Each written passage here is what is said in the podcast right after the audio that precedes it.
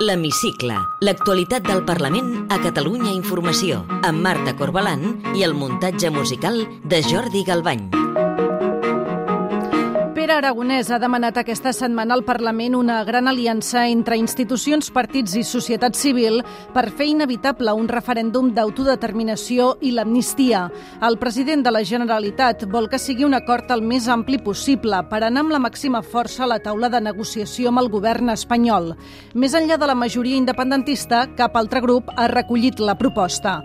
Avui entrevistem el portaveu de Ciutadans al Parlament, Nacho Martín Blanco. Benvinguts a l'Hemicicle. Pere Aragonès vol un gran acord nacional per l'autodeterminació i l'amnistia abans que el setembre reuneixi de nou la taula de diàleg entre els governs català i espanyol. El president ha aprofitat el ple del Parlament per solemnitzar-ho. Vull un acord inclusiu, que sigui capaç de representar la pluralitat i la diversitat de la societat catalana, al marge del seu posicionament sobre la independència de Catalunya. Cal un acord capaç d'aglutinar també a tots aquells que no volen la independència de Catalunya però que defensen que tenim dret a decidir quina volem que sigui la relació amb l'estat espanyol. El PSC ha tancat la porta a la proposta d'Aragonès. En un tom més dur del que fins ara havia mostrat, el cap de l'oposició Salvador Illa ha retret al president de la Generalitat que es negui a convocar una taula amb tots els partits catalans per facilitar acords sobre els grans temes de país. Vostè, que parla tant de diàleg i tant de diàleg i de dialogar i de, fin, i de fer un plantejament inclusiu reunint només aquells que estan d'acord amb vostè, es nega a obrir un diàleg a Catalunya i pretén ser el president de tot Catalunya? Senyor Aragonès, per favor. Devia estar més segur dels seus arguments el senyor Torra, que va reunir aquesta mesa de diàleg la passada legislatura. Els comuns tampoc no semblen gens entusiasmats amb la idea d'un gran acord per l'autodeterminació i l'amnistia. La seva cap de files, Jessica Albiach, reclama com el PSC una taula catalana de partits. Els dos grups, però, s'han quedat sols al Parlament avalant aquesta proposta. No pot ser l'excusa per no convocar la taula de partits. És així de fàcil. I al final aquest acord nacional sembla més que serà un òrgan de coordinació de l'espai independentista a veure si vostès finalment aproven els pressupostos del govern central o no, que realment de consensos transversal en la societat catalana per resoldre el conflicte polític. El cap de files de Junts per Catalunya, Albert Batet, ha reclamat a Aragonès que hi hagi una estratègia conjunta de l'independentisme per ser més forts a Madrid a l'hora d'afrontar, per exemple, la negociació dels pressupostos de l'Estat. El president s'hi ha compromès al mateix temps que ha desvinculat els pressupostos de la taula de diàleg. Encara que els pressupostos de l'Estat no tenen cap mena de relació amb una taula de negociació per l'amnistia i l'autodeterminació, pensem que totes aquelles decisions que adoptem des de l'independentisme s'han de prendre des del consens i amb una decisió i una mirada compartida. La mesa de negociació per la resolució del conflicte polític a l'Estat ha d'avançar independentment de quina sigui la posició dels grups parlamentaris independentistes catalans a Madrid. Això no es tracta de negociació a canvi d'uns pressupostos generals de l'Estat. Des de la CUP, la diputada Eulàlia Reguant veu marge perquè avanci l'acord nacional per l'autodeterminació i l'amnistia, però amb aquesta petició. No pot ser només l'eina de pressió per una mesa de diàleg. És també l'eina que ha de construir l'alternativa quan l'Estat es negui a reconèixer l'amnistia i es negui a posar data per un referèndum d'autodeterminació. Vox, Ciutadans i el Partit Popular han acusat l'independentisme de voler tornar a la casella de sortida. El ple del Parlament també ha estat marcat aquesta setmana per la decisió del govern de crear un fons per cobrir la fiança milionària que el Tribunal de Comptes exigeix a una trentena d'exalts càrrecs de la Generalitat per internacionalitzar el procés independentista. Junts, Esquerra, la CUP i els Comuns han aprovat una moció de suport als encausats i a l'acció exterior del govern, mentre des de l'executiu s'insisteix a defensar la solidesa legal del fons. El conseller d'Economia, Jaume Giró, assegura que és una eina per poder fer política en llibertat. És un instrument per restablir l'espai de llibertat per fer l'acció política a Catalunya, sense la por de saber que vindran a embargar-te la teva casa, la teva pensió i els teus estalvis. Tot i els esforços del govern per defensar la legalitat del fons, la dreta no dona treva i també el pensa recórrer a la justícia.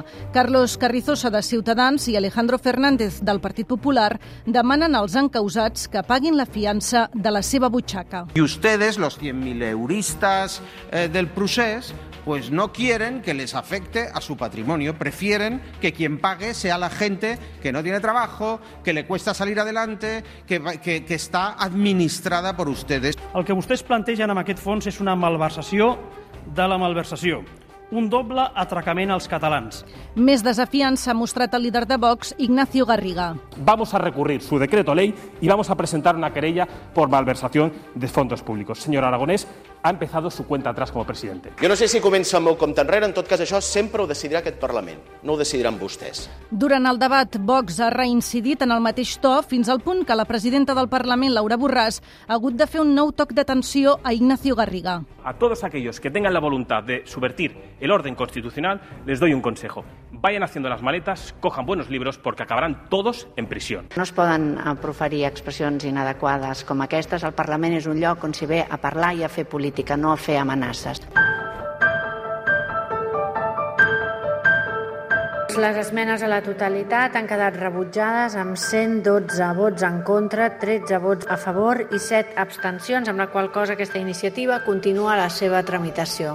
El Parlament ha donat llum verda a tramitar una nova llei d'habitatge per evitar els desnonaments de les famílies vulnerables. La proposta, que es podria aprovar definitivament a la tardor, inclou el lloguer social i recupera algunes de les mesures tombades pel Tribunal Constitucional al gener. La proposició de llei l'han impulsada Esquerra, Junts per Catalunya, la CUP i els Comuns.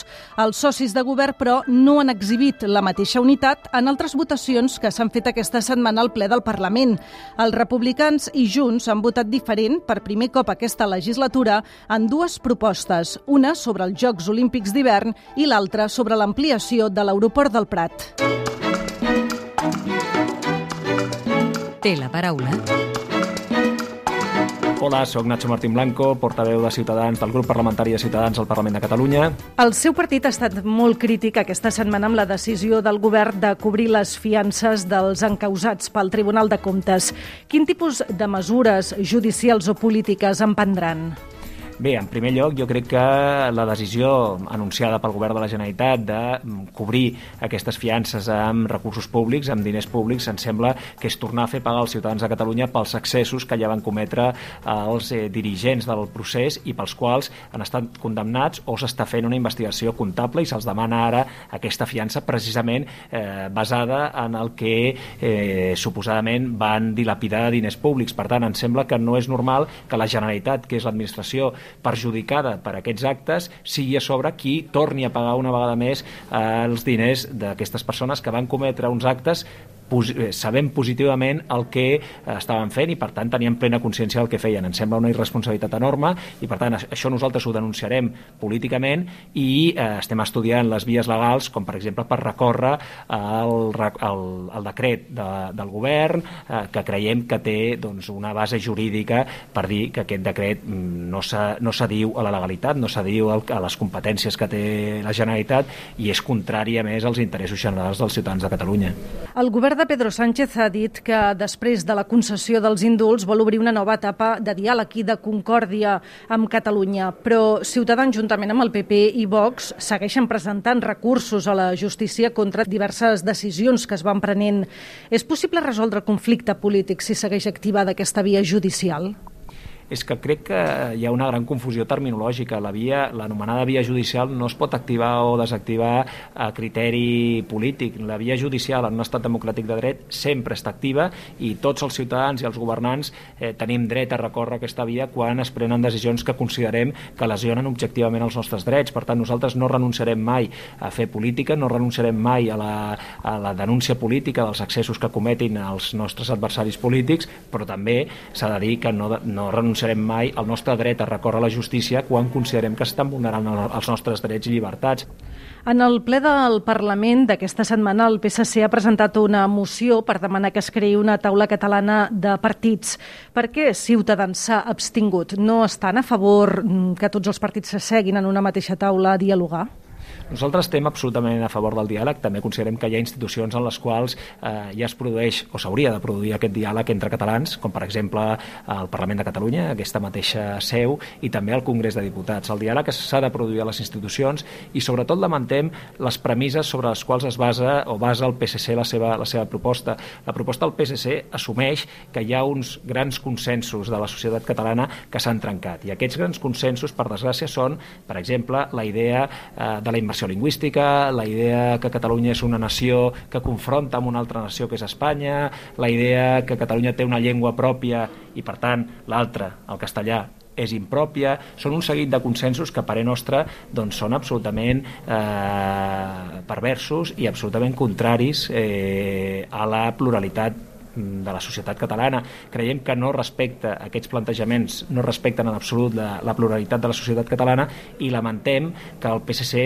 assumeixi moltes vegades aquest llenguatge, aquesta retòrica dels partits nacionalistes que eh, obliden mm, doncs, que Catalunya és una societat enormement plural, enormement diversa i creiem que aquesta taula de, de, eh, dels, de partits Catalunya endins el que és bàsicament és una tauleta preparatòria per la taula, eh, l'anomenada taula de diàleg eh, entre el govern d'Espanya i el govern de la Generalitat, que és una taula que es planteja en uns termes una vegada més perversos, com si Catalunya i Espanya fossin dos estats sobirans que s'asseuen en, una taula per discutir sobre qüestions de política internacional. Fa uns dies, el líder del seu partit, Carlos Carrizosa, va accedir a reunir-se a Palau amb el president de la Generalitat, Pere Aragonès. Veuen un tarannà diferent en la figura d'Aragonès respecte a Quim Torra? Bé, jo crec que si parlem de formes, el senyor Aragonès és un home eh, efectivament amable, és un home eh, respectuós en, en el tracte i des d'aquest punt de vista jo crec que eh, hem de dir les coses com són.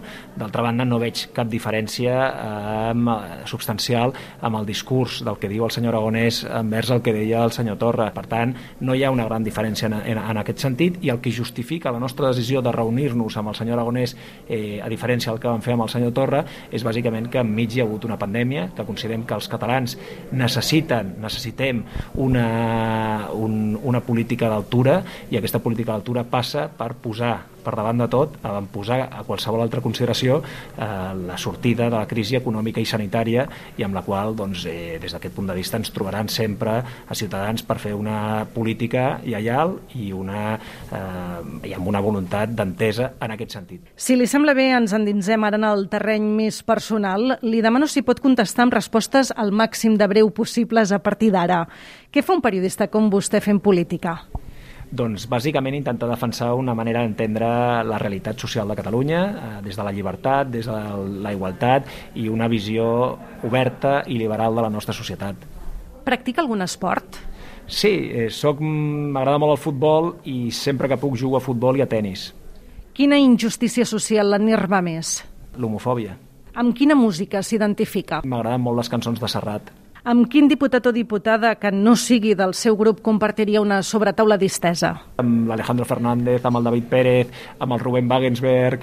Hi ha, hi ha gent molt maca, la veritat. I ja per acabar, completi la frase següent. El que més m'agradaria del món és... Passar tot el temps del món amb els meus fills. Nacho Martín Blanco, portaveu de Ciutadans al Parlament de Catalunya, gràcies per atendre'ns a l'hemicicle de Catalunya Informació. Gràcies a vosaltres, un plaer.